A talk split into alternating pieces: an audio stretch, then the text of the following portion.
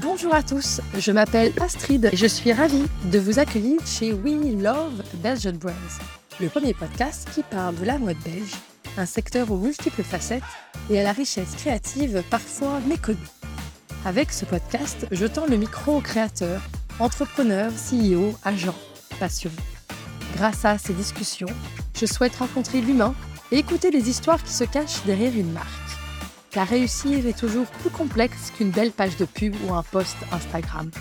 Joie, difficultés, coup de chance ou sortie de parcours, monter sa maison de prêt-à-porter ou d'accessoires est un long voyage. Alors aujourd'hui, avec vous, j'aimerais voyager au cœur des marques belges pour partager, questionner les modèles et dévoiler l'humain qui se cache derrière nos petits et grands succès. Je vous souhaite dès à présent une belle écoute. Aujourd'hui, à mon micro, j'ai le plaisir d'avoir Yohai Straka. Son parcours et son talent m'impressionnent. Et par notre discussion, j'espère vous faire découvrir un métier du secteur de la mode que j'estime moi moins connu, celui de designer textile. Yohai travaille aujourd'hui comme indépendant. Il est basé à Anvers, mais il est né en Slovaquie, d'où ce délicieux accent. Il a travaillé 10 ans en France, à Lyon, pendant 7 ans où il était chez Bucol, dans l'un des derniers fabricants de soie. Puis il a été trois ans chez Schiaparelli à Paris, avant d'être recruté chez Dries Van Noten le job de ses rêves. Après quatre ans en tant que responsable des imprimés hommes et femmes chez Dries Van Noten, le pape des imprimés, Uri ne veut pas tomber dans la routine et il décide de se lancer. Oser l'entrepreneuriat, se lancer des challenges, c'est clairement un sujet qui me Je suis donc ravie ce matin d'en discuter avec lui. Uri, bonjour. Bonjour Astrid, comment ça va? Bien, Merci de venir ici en ce début de nouvelle année pour euh, cet épisode en français. Avec grand plaisir. Qu'est-ce que je peux te souhaiter pour 2023 euh, euh, Je dirais beaucoup de créativité surtout. Et chouette. Et peu de deadline. Ah voilà, pas de deadline. Plus de, plus de temps. Oui, ça serait génial. Malheureusement, on sait ce que c'est dans la mode, le rythme est souvent infernal. Alors, comme tu sais, je commence toujours mes entretiens avec cette question que j'aime bien qu'est-ce que tu aurais voulu faire quand tu étais enfant? Bah, moi, c'était vraiment euh, le, parcours de, de, finir dans la mode était assez clair de mmh début, euh, vu que je suis né dans les années 80 et en plus à, l'ancienne Tchécoslovaquie qui n'existe où euh, tous les hommes, enfin tout, tout, le monde a dû faire du bricolage et il a dû faire des choses soi-même. C'était pas comme tu pouvais aller dans une boutique et acheter ce que tu voulais. On était vraiment derrière le. On a, on a eu des choix de vêtements et tous les autres produits très limités. Du coup, toutes les femmes euh, euh, bricolaient dans la façon de, de, de fabriquer ses propres vêtements, tricoter, de faire de crochet et tout ça. Et du coup, je suis né dans cette génération où toutes les femmes de ma famille, euh, c'était des tricoteuses, des, des, couturières et tout ça. Et ça t'inspirait, ça, ça m'inspirait énormément parce que je suis né dans, dans je passais le temps avec ma mère ou mes, mes ou ma grand-mère. Et quand j'étais avec elle, bah, elle, elle, faisait ça. Donc, elles faisaient leurs leurs vêtements et moi je jouais avec des petits bouts de tissu qui étaient par terre ou des petits boutons ou des petits. Euh, et ton père, les hommes, ils, étaient aussi manuels? Euh, Oui, très très très. C'était vraiment euh, encore une fois une génération des gens bricoleurs qui savent utiliser leurs mains dans, dans, le, dans le sens propre du terme. du coup, j'ai vu mon papa de, de, de, créer, de construire notre maison de A à Z, de d'électricité jusqu'à peinture, jusqu'à tout.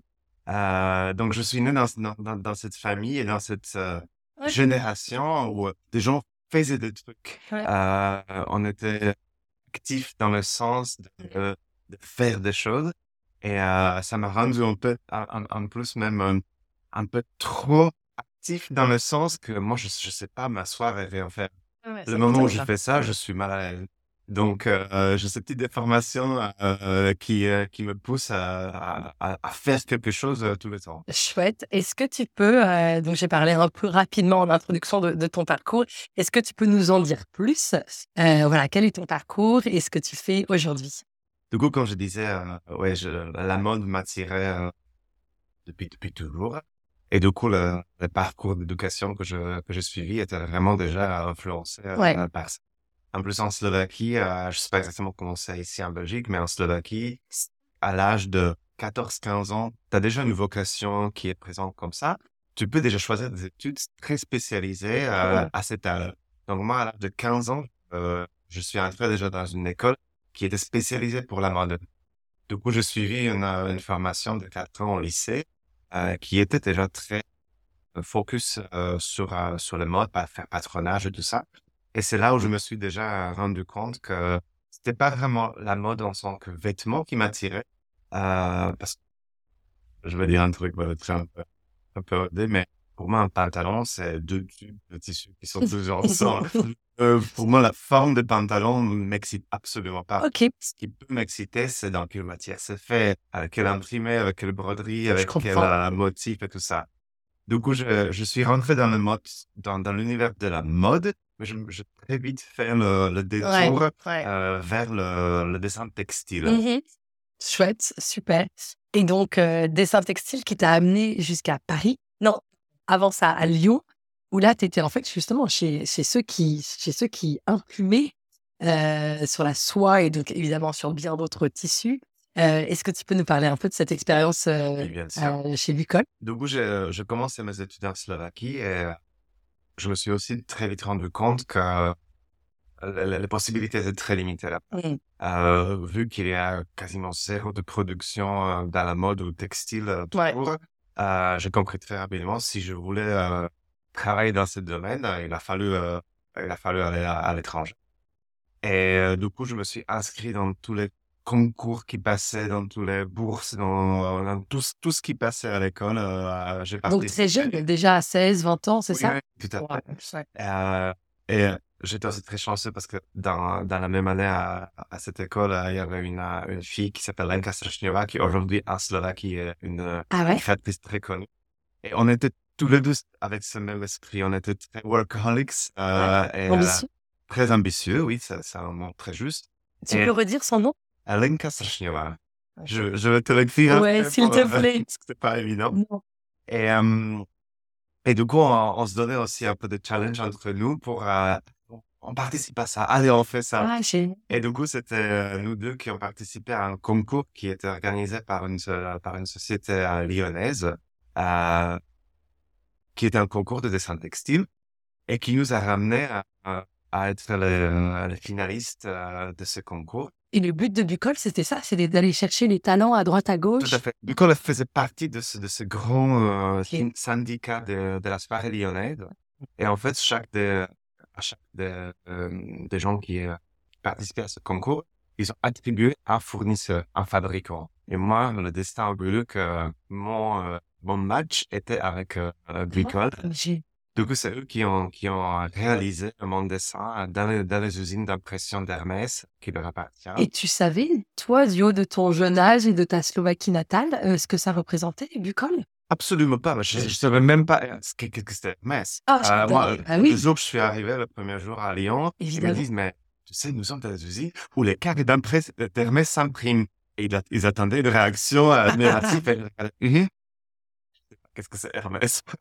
C'est évidemment. Mais voilà, mais, mais c'était aussi un peu charmant parce que la naïveté, Bien sûr. Ah, leur a beaucoup plu parce Bien que c'était pas quelqu'un qui venait avec des, idées ou être prétentieux comme ça. Moi, j'étais vraiment plus impressionné quand, quand je marchais dans, quand ils me font promener dans, dans, dans l'usine. Moi, j'étais vraiment ému, mais c'était des, des, émotions très, très pures. Ouais, parce que quelqu'un qui venait de la Slovaquie, qui jamais rêvait de, de, de vraiment finir dans, ou, ou même pouvoir mettre ses pieds dans, dans ce vrai, vrai univers de textile moi, j'étais vraiment euh, ébloui et je presque pleurais de joie. Évidemment, euh, c'est vrai que c'est chouette. Euh, et du coup, c'est là où les, les contacts avec, euh, avec, l'équipe l'équipe se sont créés. Euh, qui a pu rester 7, 10 ans, 7 ans. Oui, voilà, ça a été vraiment, vraiment... parcours. Euh, ça a commencé par un petit stage de, de 3 ah mois. Et euh, je finis à être responsable de, de, de la collection d'imprimés pour, pour les clients. Je passais 7 ans, et qui était vraiment une école école de la vie. Et vraiment, je sais, c'est un peu cliché parce que tout le monde le dit, mais de commencer vraiment le plus bas dans ton métier, passer vraiment par toutes les étapes et découvrir toutes les coulisses de métier, c'est vraiment le chemin le meilleur de la euh, parce que c'est là où tu comprends vraiment euh, comment des choses marchent. Et, euh, et les clients du col, c'était donc toutes ces grandes maisons de ah bah oui, et, avant, parisien, ouais. international, pour l'invent, pour pour Chanel, pour Louis Vuitton, enfin, tous les grands marques ouais, ouais, euh, françaises euh, travaillent avec cette. avec cette maison. euh, Et t'as appris le français allant là-bas comme ça Ah bah oui, bah, bah, bien sûr. Moi, je, je suis arrivé sans, sans, euh, sans zéro français, donc c'était challenging au début. Et l'anglais, tu parles anglais? Euh, un peu. C'était vraiment un peu de Bah, communication Lyon, il avec des mains, avec des dessins, avec des Ouais. croquis. euh, il, y avait, il y avait très souvent des malentendus euh, qui, ont, qui ont créé des situations très, très drôles. Ah, j'adore. Euh, Raconte une anecdote. Ça, tout au début, ma, ma, ma boss, Mhm. qui, qui parlait quasiment pas anglais, mais on parlait quasiment pas français. Coup, on, on communiquait vraiment en mode dessin ou Wow. Et c'était la première semaine j'étais au boulot. Un vendredi soir, en, en sortant du boulot, elle voulait me dire, bah, à lundi, on se voit lundi. Et elle voulait faire un effort pour le dire en anglais. Elle a dit, euh, see you euh, tomorrow. Elle est partie. Ah, Et dans ma tête, je bah, c'est samedi. Mais bon, j'imagine la raison pourquoi elle a dit euh, on se voit samedi. Oh. euh, du coup, samedi matin, à 8 heures du matin, je débarque à, devant, devant le bâtiment. Personne dans le bâtiment. J'arrive pas, j'arrive pas à rentrer. Euh, femme de, ma- femme de ménage qui vient d'arriver. Du coup, je me suis glissé derrière elle dans la porte. Je m'assois au bureau, je commence à travailler. Il y a Personne. Peut-être dans une réunion, j'en- rien. Je continue mon Ah. travail, je dessinais, je, C'est trop je m'en souviens exactement, j'étais en train de peindre un, un Oh. dessin, un dessin floral. Et euh, d'un coup, il y a un mec de sécurité qui débarque, qui commence un français que je ne comprends pas. Maintenant, je sais. Mais qu'est-ce qu'on fait ici? Qui êtes-vous, machin? Et je l'ai regardé en souriant, euh, faire ma plage. Genre, I don't understand. Et du coup, le mec a appelé la police parce qu'en fait, il me connaissait pas. Oh C'est- là là c'est- là là. C'était un jour que j'étais dans la boîte, il savait pas qui j'étais. Il débarque pour faire son check-up. Il y a et un immigré en fait, slovaque. C'est dans la table de ménage qu'il a appelé la, la- le truc de sécurité pour leur dire il y a quelqu'un qui est dans, la- dans le bâtiment. Enfin, tu n'avais pas l'air très agressif. Ils hein, ont, ils ont dû prévenir le, le patron de la boîte pour bien vérifier que c'est leur nouveau stagiaire. Bon, bref.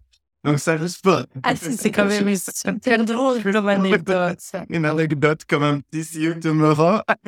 Le transformer en appelé à Et me faire, de faire devenir euh, par le patron de boîte euh, un samedi matin au boulot pour, euh, pour dire que tout va bien, que je n'étais pas un, un voleur. Ah là là là là, c'est drôle.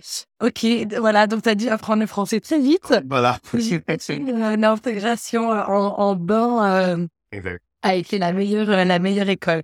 Ben dis donc, j'adore cette anecdote.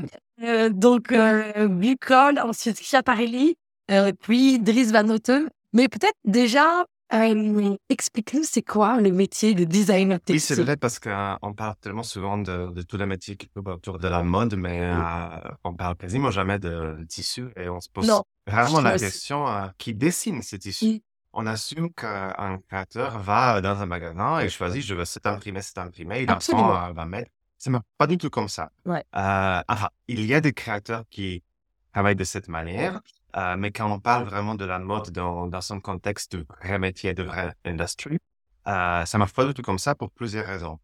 D'une, euh, un imprimé est, une, euh, est un élément très important via, à travers duquel on communique la, une idée de la collection, un thème de la collection, ambiance de la collection. Donc, euh, très souvent, le créateur veut avoir son propre imprimé, très souvent dessiné sur mesure, entre guillemets, euh, qui va lui aider, lui aider euh, de, de communiquer cette, euh, cette idée. Donc, c'est très rare que tu peux aller dans un magasin et trouver ce que tu cherches. Mm. Euh, deuxième, encore plus important aujourd'hui, c'est que tu peux, tu peux pas te permettre de prendre un imprimé dans un, dans un magasin et risquer que quelqu'un d'autre qui a le même dans la même collection. collection. Euh, du coup, c'est cette question d'exclusivité pousse euh, l'industrie de, de faire des créations qui sont vraiment créées pour des, pour des collections ou, marques Et- en exclusivité. C'est ça. Euh, du coup, euh, pour faire un imprimé, il faut un styliste. Évidemment. Euh, et euh, on peut se dire, oui, mais c'est qui qui peut faire un truc. hein? Si tu sais faire une peinture, t'es un, t'es un designer textile. Pas, pas du tout. Euh, la, la grande particularité de, du métier de textile designer, c'est pas seulement de faire un motif, genre dessiner, je vais t'as, t'as, t'as une feuille euh, t'as d'imprimé euh, avec des feuillages derrière toi. Euh, il suffit pas de juste euh, savoir peindre une.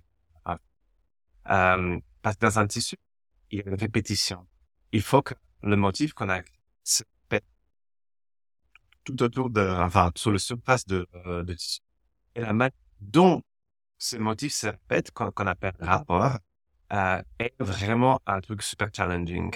Et c'est là, en fait, où le, où le core euh, euh, du métier. J'imagine, ou alors dis-moi si je me que tu peux pas forcément faire le même mais ou le ou en tout cas le rendu pourrait être heureux ou malheureux selon si tu fais un imprimé sur de la soie ou sur du coton ou sur ou sur même une mmh matière plus rigide. Et toi, tu sais ça. Pour, pour dessiner un tissu qui à la fin est vraiment un tissu waouh, il y a trois ou quatre éléments qu'on doit qu'on doit bien fine tune, je sais pas combiner, combiner pour que le résultat soit bien. Du coup, d'abord, on parle bien sûr du motif en soi. Euh, après, c'est l'échelle, donc le, scale. Euh, parce que le même motif euh, imprimé en deux tailles très différentes va donner un message complètement différent. Après, next, next pas est la coloration. Encore une fois, le même, le même imprimé coloré complètement différemment ou avec une approche originale peut vraiment passer à notre message. Le dernier, le quatrième, c'est sur quel tissu on imprime. Euh, et c'est pas seulement le tissu, comme tu as dit, mais c'est vraiment tous ces éléments bien balancés vont créer à la fin un tissu qui est superbe, avec le même dessin, dans une mauvaise coloration, dans une mauvaise échelle, choisi sur une mauvaise matière, va être un truc qui va, qui va, qui va faire très cheap, qui va être très triste ou euh, qui va pas être séduisant du tout. Est-ce que tu peux anticiper ou ça, ça dépendra de ton client, si l'imprimé va être utilisé pour une robe ou pour un, pour un t-shirt ou pour un pantalon, parce que j'imagine que là, il y a encore une différence. Oui. J'essaie, quand je travaille avec des clients, d'avoir ce discours, d'essayer de comprendre plus. Ouais. Euh, parfois, ils ne comprennent pas.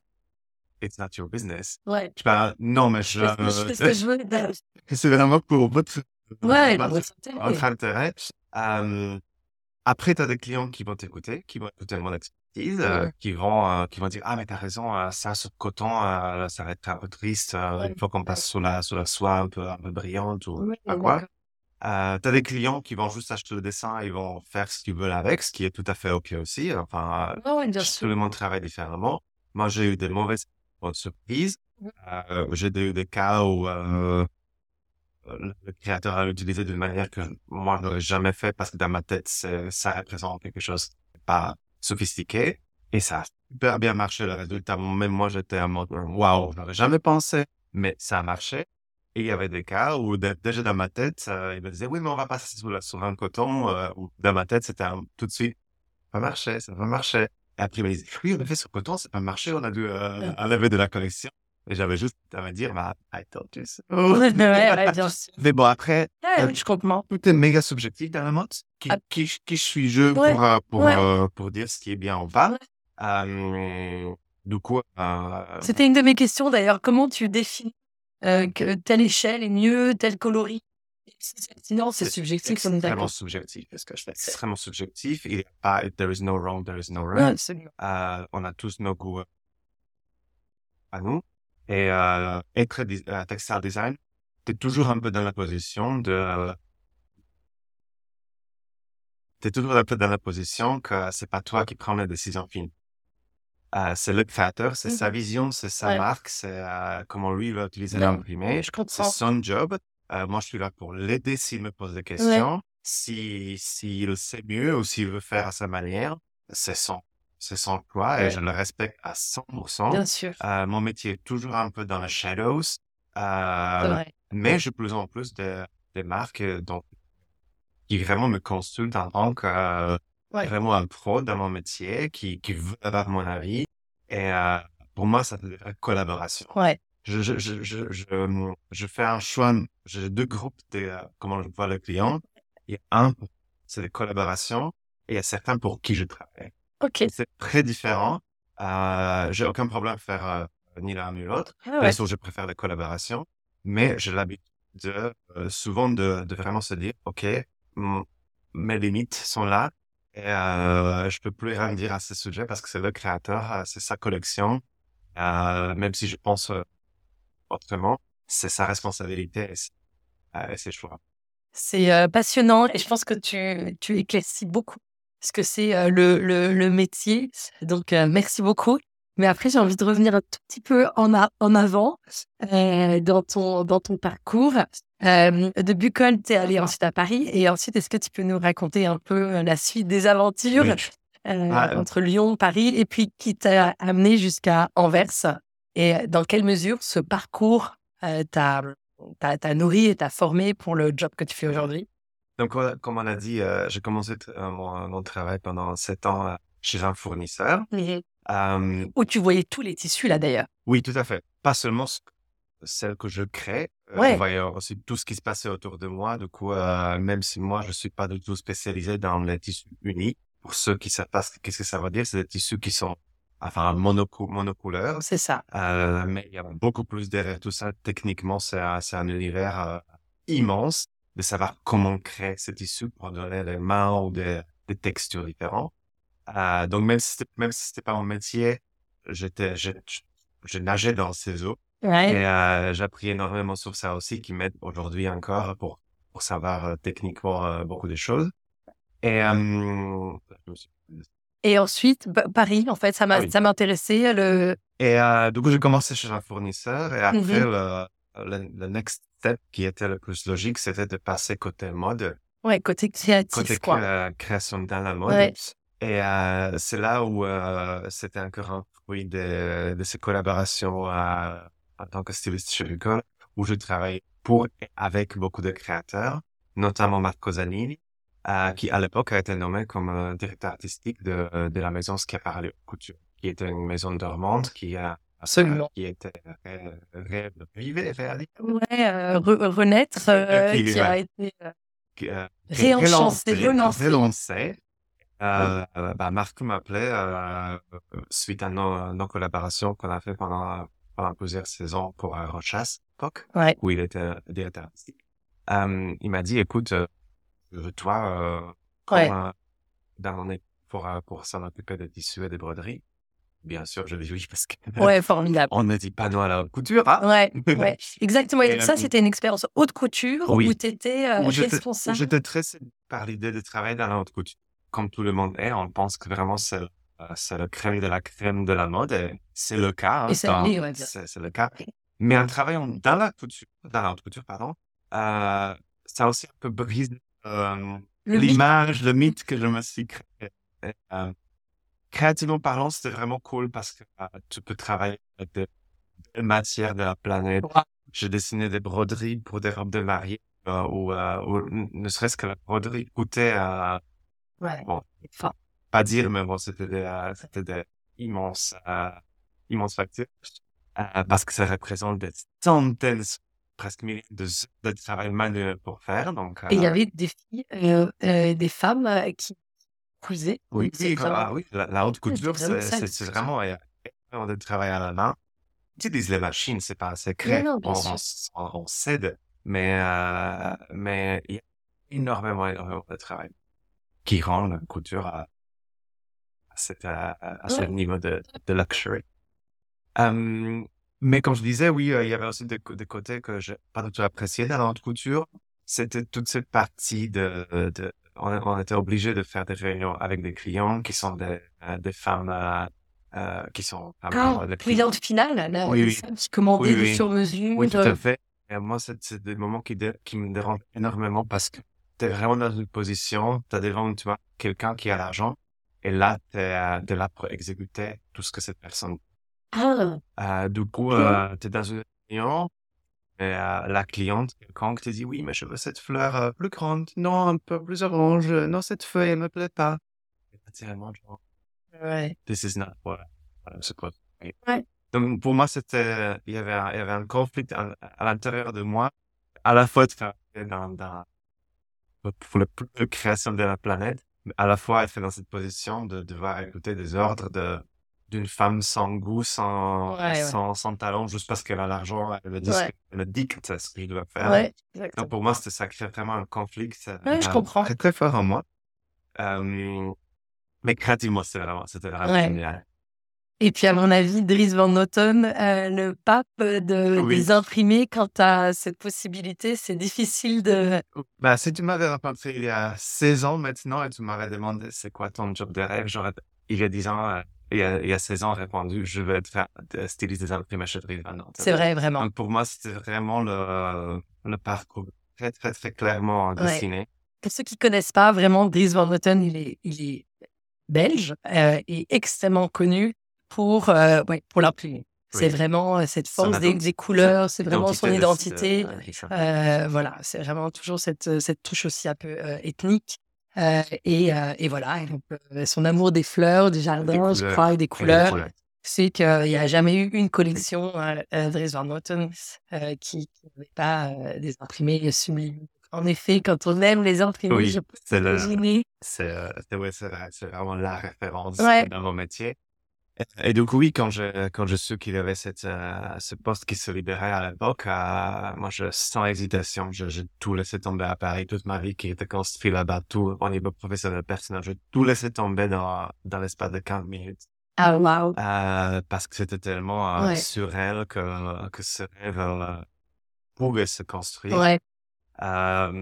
du coup, je je suis allé pour pour faire le job interview ouais. et, je savais que, que que tu étais à ta place. Oui, voilà. Je, je, comme, comme nous tous, on a tous le self-doubt. On, Bien on, sûr. On, on, a, on, a, on a souvent des, des doutes sur nous-mêmes et euh, tout ça. Mais je m'en souviens que j'étais jamais aussi confiant de ma vie que quand je quand j'étais dans le train pour aller dans cette pour cette job interview parce que je savais que j'étais prédestiné pour le ouais, faire. It was meant to be. Ah, c'est beau. Uh, C'était pas pour être coquille ou pour, non, non, non, non, non. Euh, euh, Non, non. c'est pas plus haut, mais je- tout fait de, je- toute décision avant que je fais dans ma vie, c'était pour aller dans, pour obtenir ce, ce, ce goal. Ouais, Euh, du coup, c'était, c'était vraiment, tous les, tous, tous les interviews avant que je fais ou après, j'étais toujours stressé, mais pour celui-là qui était le plus important de ma vie, j'étais vraiment mais, confiant. extra, extra. C'est ça. Et bon, le match se fait et, euh, et j'ai eu le job et c'était comme comme t'as dit, dit euh, c'était un job de rêve pour moi. Et la plus belle surprise, c'était que dans la réalité, c'était encore plus beau que je rêvais. Non. Qui, ce qui est rare. hein. Ouais, Souvent, ouais. on se fait un rêve et après Ouais. la réalité, elle est, elle est pas comme on imaginait. Pour moi, c'était vraiment, c'était le contraire, c'était encore mieux que je pensais. Et de pouvoir travailler avec Dries, mais vraiment tous les jours, euh, et apprendre C'est ça. euh, c'était vraiment les, les quatre euh, plus, plus belles, Plus belle. plus belles années Ouais. euh, de ma vie. Euh, et, dur à la fois, parce qu'on bosse, hein, dans- on bosse tout court dans la mode, mais Ouais. on, on bosse surtout dans une maison qui, qui produit cette, cette volume de, des imprimés par, Mm. par collection, Et aussi bien homme que femme? aussi bien homme, homme que femmes. Combien de collections par an chez les Hamilton bah, deux pour femmes de peu. En, maintenant, ça change un peu. Ils ont, je sais qu'ils ajoutent aussi un peu des, des collections intermédiaires, mais à l'époque euh, où j'étais là-bas, c'était quatre collections par, par an. Mais euh, chaque collection, c'était dizaines, dizaines de, dessins. ouais. Donc, c'est immense au niveau de, de volume euh, et de responsabilité. Mais c'est ça ce qui m'a plu énormément. Ouais, bien sûr. Quand t'es styliste, t'as, ce- t'as cette plateforme pour faire autant de dessins euh, par collection, Ouais. pour gérer le développement et tout ça. C'était vraiment... Et tu avais une équipe euh, avec toi? Quand je commençais, j'étais- tout seul? Euh, c'était tout sur mes épaules et après, euh, on a élargi l'équipe, donc on était deux. Euh, maintenant, je sais qu'il a grandi encore et c'est très bien pour eux, je suis très content. super. Mais c'était très, c'était très petit comme équipe, qui a ses avantages, ses, ses inconvénients. Euh, je travaillais dans, avec des boîtes ou dans les boîtes où il y avait des grandes équipes. Et c'est pas forcément parce qu'il y a plus de monde qu'on peut faire plus de travail. Euh, je pense qu'il y a un moment où plus, more of the cooks in the kitchen, more is difficult to cook. Donc, plus de gens créatifs sont, interviennent, plus, euh, parfois c'est plus difficile à faire des choix. Donc, de garder les équipes restreintes et, euh, avec peu, peu de gens, je comprends pourquoi, pourquoi certaines marques travaillent comme ça, parce que ça rend l'échange, le, le, process de création plus facile. Intéressant comme, comme retour.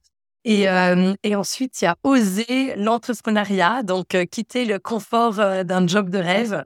Raconte-nous un peu. Oui, euh, bah, comme, comme je disais, j'ai passé quatre ans euh, dans cette expérience merveilleuse. Euh, et après quatre ans, je, euh, je, je commençais à avoir le peur que, que la routine s'installe. Euh, je pense que beaucoup de gens vont, vont, vont will agree. Je serais d'accord avec moi. Euh, je pense que beaucoup de gens seraient d'accord avec moi que quand tu es sur un job créatif, euh, il y a ces limites de 4-5 ans où euh, Ouais, ouais. on a un peu fait le tour, on a un peu euh, découvert tout ce qu'il y a et euh, le moment où la routine s'installe dans un job créatif, c'est la, la fin. Euh, du coup, euh, comme l'expérience était si positive, euh, je voulais à aucun prix de, de, Euh, de- D'abîmer ça, de ça. gâcher ça. et je pris cette décision euh, très osée, très osée euh, dans ma tête de partir avant que ce moment arrive. Ouais. Et à l'époque, personne autour de moi ne le comprenait pas. Il me dit, fou, mais ça fait 15 ans que tu me parles de ce job. Tu l'as enfin, t'es content, t'es heureux. Et maintenant, tu veux partir, je comprends pas. Et j'avais du mal à, à l'expliquer à Ouais, quelqu'un. C'était vraiment Intuition. euh, intuition et je suis content aujourd'hui euh, à regardant, à regardant, regardant dans le passé que j'ai Ouais. écouté cette voix Ouais, à moi. C'est vrai. Euh, parce que euh, j'ai vraiment pris cette décision. Je suis en, dans, dans, dans, dans le, when the party was the best. Ouais. C'est la fête au bon moment. Voilà. Ouais, c'est vrai, c'est chouette de dire ça. Et j'ai pris Je me suis posé la question. Écoute, t'as tout fait un peu. T'as travaillé chez un fournisseur. Ouais. T'as fait euh, la haute couture. T'as fait prêt-à-porter femme, homme. What now? Et, euh, et euh, même si je suis pas du tout, euh, je passe cette âme de entrepren- entrepreneuriat Ouais, ouais, ouais, en moi, euh, c'était la, c'était euh, la seule possibilité en fait qui restait sous la liste, c'est de Ouais. dire ok maintenant t'as fait le tour, t'as un peu ouais, t'as regardé un peu comment marche le l'intégralité de ce de ce de cet univers, euh, et je me suis rendu compte qu'il y a beaucoup de euh, qui, qui manque de lien entre le, le fabricant de tissus et le, euh, le créateur, Mm. comme qui travaillent chez le fournisseur. Aucune idée à quoi ressemble vraiment la vie quand t'es chez une marque, vice versa. Et vice- ouais. Euh, euh, chez un créateur, t'es à moi, ouais, pourquoi il m'a pas envoyé ce rouleau? C'est, scandaleux. Mais ils vont jamais se poser la question que, euh, oui, la machine peut tomber en panne. Ouais. Il y a le mec qui a passé toute la nuit pour essayer de la fixer, pouvoir sortir le tissu. Toi, tu connais les deux mondes, tu connais la réalité. C'est pas, c'est aussi au niveau de communication, de, de, de expectations, etc. Ouais. Et j'ai décidé du coup de, euh, de créer euh, ma boîte qui est Textile Studio JS, qui se positionne un peu entre les deux. Je suis pas un fournisseur, je suis pas, je travaille pas dans la mode.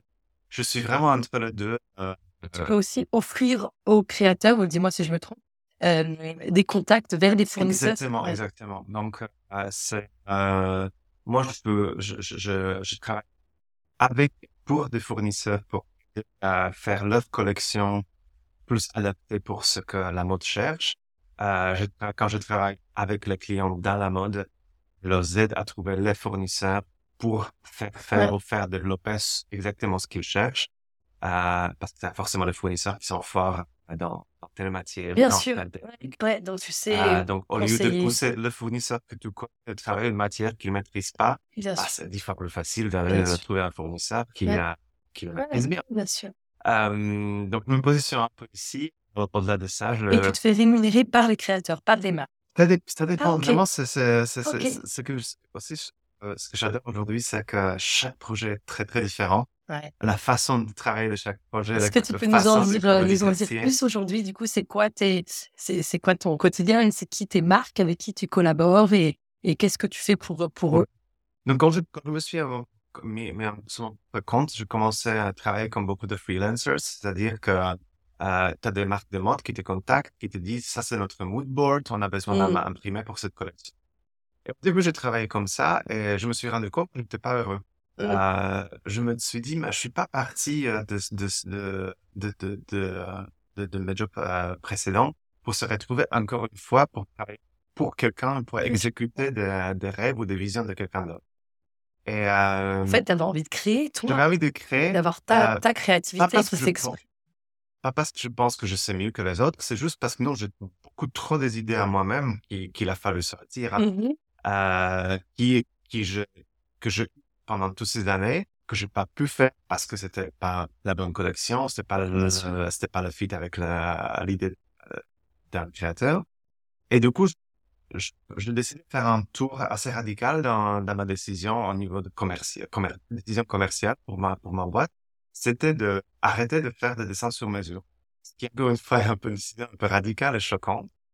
Euh, mais encore une fois, c'était une- ce que je crois aujourd'hui une bonne décision parce que j'ai écou- écouté encore une fois euh, Ouais, hein. mais, ma petite voix, euh, mon cœur. Intérieur, ouais, c'est Euh, super. et aujourd'hui, euh, je travaille de manière euh, différente. Je, je crée des tissus. Je crée pour mon plaisir. Ouais. Au moment de création, je pose pas la question comment, à qui je veux le vendre. Je le crée parce que je veux le créer. Je- J'ai Ouais. une vision et je, Ouais, veux je- exprimer cette je créativité. exactement, Ouais. euh, je- j'exprime ma créativité à travers d'un d'un tissu. Et plutôt de faire des créations pour faire qui plaisent à, Ah à client, euh, je fais ce que je veux et je cherche des clients avec qui ça colle. Ouais, c'est super. c'est un peu euh, le modèle retourné. euh, Il y a forcément des gens qui vont se dire, ouais, t'es prétentieux, mieux. Ah non, pas du tout. Pas du tout, pas du tout. Ah, bah, euh, j'ai juste trouvé d'autres clients qui adorent travailler de cette manière. Bah, bien sûr. Au lieu de passer un temps fou avec un client, pour avec, avec milliers de allers-retours, euh, est-ce que c'est ça ce que vous voulez? Non, c'est pas ce qu'on a voulu, on a imaginé un truc différent, ça marche pas. Euh, moi, je fais des dessins, je vais voir un client, je lui montre une immense collection très variée, Ouais. très diverses. Il aime ou il n'aime pas. Il aime et- pas, voilà. Voilà. Euh, quand, quand il aime, il adore. Quand Ouais, il aime pas, il me dit désolé, c'est parce qu'on cherche pour cette collection, on se voit la saison prochaine. Euh, et moi, j'adore travailler de cette manière. Ouais, bien sûr.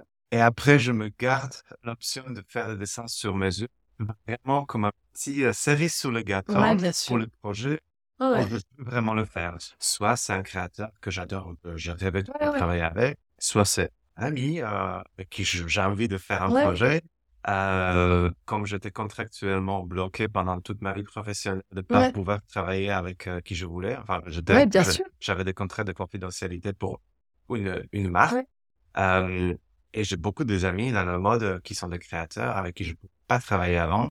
Maintenant, j'ai cette liberté de, enfin, après beaucoup de, euh, des années, de, de faire des collections. Ouais, c'est Et chouette. récemment, euh, la fille que, dont je parlais, la. Renka Srechneva en Slovaquie, avec qui je connais depuis 25 ans, Ah, avec qui j'ai jamais pu faire une collaboration. Euh, maintenant, ouais, j'ai la liberté. de- a fait une grande collection ensemble. Et qui est vendu et commercialisé en Oui, en Slovaquie. Slovaquie, oui, oui. Ah, chouette. Euh, du coup, euh, cette, cette, cette nouvelle vie me, me donne aussi cette possibilité de garder ce, Ouais. euh, ce- cette carte à jouer Ouais. quand je veux la jouer. Ouais, bien Et sûr. pas parce que je suis obligé de travailler de cette manière. Ouais. Et euh, moi, je me suis rendu compte que nager un euh, contre-cours, contre, Ouais. Contre-courant. contre-courant, pardon, nager contre-courant, oui, parfois ça marche pas, mais euh, je pense qu'il faut oser euh, Bien sûr. l'essayer. Mais non, Et, ce que j'adore dans ton histoire, c'est qu'en fait, elle comprend que juste quelqu'un qui écoute son cœur et qui suit euh, ses rêves et sa passion. Et que là, dans, ce, dans cette étape de vie professionnelle, c'est très très clair que tu avais envie de liberté, de créativité, d'expression de créativité. Et que du coup, le créer euh, pour les attentes d'un client euh, avec lequel il y a des ping-pong qui peut être frustrant et contraignant, tu pars de la joie, de l'envie, du bonheur, du plaisir. Et donc forcément, c'est un- une, une source de créativité qui est extrêmement puissante. Et donc du coup, tu arrives à des résultats qui sont bah, de toute merveille. Et à partir de là, évidemment, si tu as des imprimés superbes et sublimes, tu trouves des clients. Ouais. Donc euh, je trouve ça super. Moi, Ça me permet aussi de travailler vraiment avec des gens et des marques divers et variés. Bien sûr. Genre, sur le marché belge, euh, je travaille pour, avec Nathan, Ouais. comme je travaille pour Essentiel, comme je travaille avec des petits créateurs comme Elroff ou euh, Ouais, Tace ou euh, Blue. Euh, donc, vraiment, C'est énormément. Et j'adore parce que chaque projet et chaque personne est très, très différent. Et c'est ça ce que je manque, que je manquais un peu quand je travaillais pour une marque. Parce que t'es dans une équipe qui est fixe, c'est une routine, c'est une manière de travailler qui est toujours la même. Chaque collection, ça Et revient. puis tu dépends quand même de, de- des attentes du créateur. Oui, oui. et de- Alors que là, c'est toi le, le créateur. Oui, mais, mais c'est surtout au niveau que euh, chaque Projet, oui. projet te stimule différemment. Euh, il y a, des clients qui vont te pousser à faire des choses que tu n'aurais pas fait spontanément parce que c'est pas des zones de confort. À la fin, souvent, ce projet sont ce que j'adore le plus parce que euh, j'ai l'impression de grandir ou Mm. aller dans une direction où ta zone de confort te Mm. permet pas d'aller. Mm.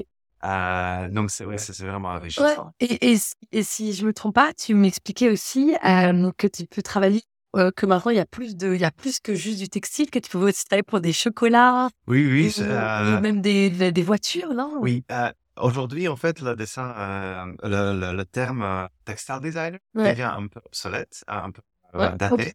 Euh, on le remplace de plus en plus par une expression surface designer. Toutes les Euh, surfaces. voilà, parce qu'un un, un dessin, un motif, aujourd'hui, tu peux appliquer sur tellement de trucs. ouais. Et c'est, on le voit que, euh, que dans l'industrie, euh, dans la papeterie parfois, ou dans les façades de, de l'architecture, Bien sûr. quand il fait des trucs, tu vois que c'est quelqu'un qui n'était pas un designer, qui Ah, n'était c'est pas un- quelqu'un qui, qui maîtrise le motif. Euh, du coup, je pense que Ouais. notre métier vraiment être appliqué euh, Ouais, tout à fait. partout. Et euh, oui, je, je, je, je te, je te demandais de faire des, des, des- des dessins pour euh, des illustrations pour la chocolat Maurice, qui est maison super. belge. Ouais. Euh, j'ai, j'ai fait un grand projet pour Skoda, pour dessiner, euh, pour dessiner un imprimé pour la voiture, pour l'extérieur de la voiture. Et ça, c'est une Euh, autre euh, surface, une autre technicité, oui, oui. j'imagine. Ah, mais, hum, mais strangely, euh, faire un dessin pour une voiture et faire un dessin pour un manteau, c'est, à la fin, c'est la même chose. Ah ouais? Parce que tu commences avec un dessin qui est deux, qui est en deux dimensions. Bien sûr. Mais toi, tu dois se projeter comment ce dessin va marcher sur un objet 3D. Ouais. Euh, et l'approche pour une voiture ou pour un manteau, c'est le même. Parce que c'est un objet t- Ok. 3D sur, avec une surface sur lequel on va appliquer un motif. Ouais. Et euh, tu rencontres les mêmes euh, problèmes techniques, comment les motifs se raccordent quand une manche rentre dans, dans, dans un manteau ou comme une- quand une voiture, porte se ferme euh, Ouais, sous le corps de la voiture. Est-ce que plus la surface est grande, plus tu as de créativité et de, non pas de créativité, mais plus de, d'options, de possibilités? Oui, oui, ça c'est sûr. Euh, quand tu dois dessiner un dessin pour un mini pochette euh, un petit sac la t'as contrainte, 5 euh, sur 5 cm, c'est super limité. Euh, quand un créateur Parce qu'une voiture, c'est quand même particulièrement grand par rapport Oui, à oui. Ou Moi, j'adore quand je peux faire des grandes pièces, même, je veux dire, pour la mode, quand, quand, quand Un manteau, fait un grand manteau, tu Ouais. peux vraiment voir le motif sans le couper. Ouais, c'est Parce que c'est ça. Ouais, Euh, évidemment. plus grand le, le, le volume, le, le style de la, du vêtement est, mieux on voit le tissu. Euh, et très souvent, justement, le tissu se coupé. Euh, plus vêtement fait, plus le tissu, plus le tissu est coupé. Et ça, c'est aussi un, un grand challenge euh, pour le, pour le styliste de déjà penser à ça.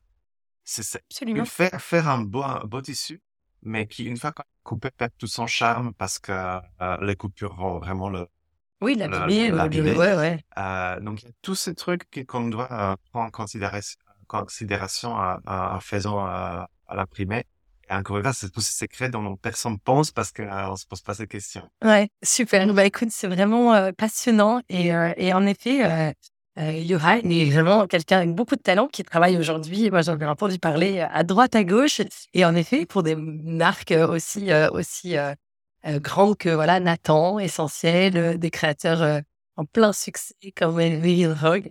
Et, et du coup, du coup, ça m'amène à, à- au sujet de notre podcast qui est la mode belge. Et surtout, je vois que ça fait déjà 42 minutes qu'on qu'on papote. Et, euh, et je voulais savoir, qu'est-ce que toi, ça t'inspire, ce mot, la mode belge? Qu'est-ce que ça veut dire pour toi? Et euh, ma dernière question, euh, qui est toujours, est-ce qu'il y a des gens inspirants dans ce secteur que tu souhaites euh, écouter à mon micro? Euh, moi, être étranger en Belgique, euh, à découvrir ce, cette mode belge, Ouais, moi, je, je trouve qu'il y a vraiment un, un, un truc très particulier et c'est la diversité. Mhm, Moi, j'adore que euh, ici, le secteur de la mode est très, très divers et varié. Euh, et euh, j'ai rencontré énormément de gens super créatifs euh, qui mériteraient vraiment un succès international. Je pense que aujourd'hui, euh, on donne tellement de succès aux marques établies, mhm. pas parce qu'ils sont, ils font des trucs bien, c'est tout, tout, tout est la question d'argent. Si tu as le budget pour se faire, se faire payer des pubs partout, bien sûr, tu deviens le hit Ouais. euh, item. Euh, mais il y a beaucoup de ces marques qui ne méritent pas artistiquement euh, être sur ce piédestal.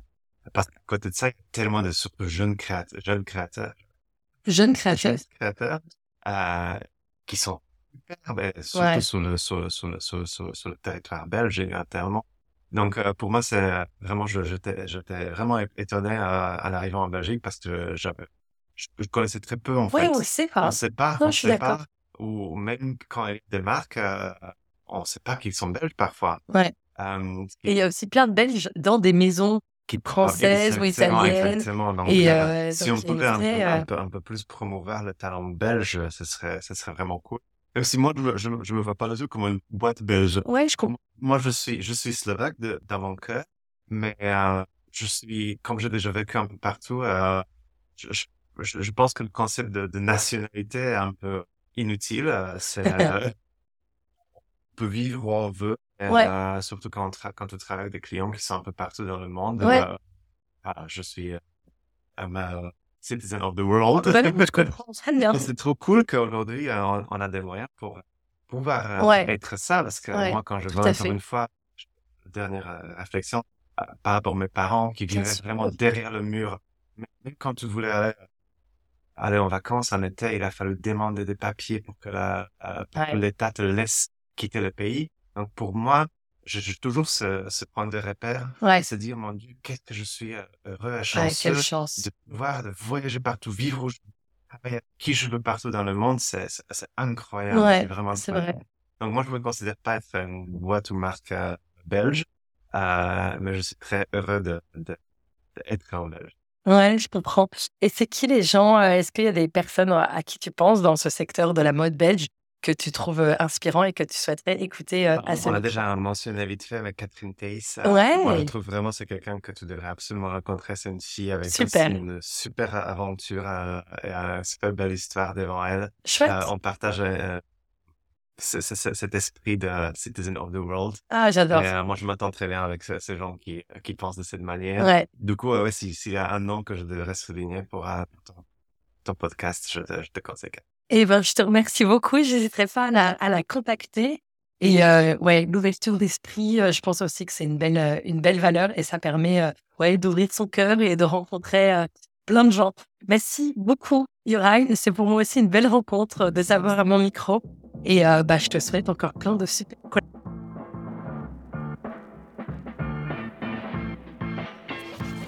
Merci beaucoup d'avoir écouté cet épisode jusqu'au bout. J'espère qu'il vous a plu. Et si c'est le cas, je vous invite à le partager et à le noter de 5 étoiles, car ça m'aidera beaucoup à le faire gagner en visibilité.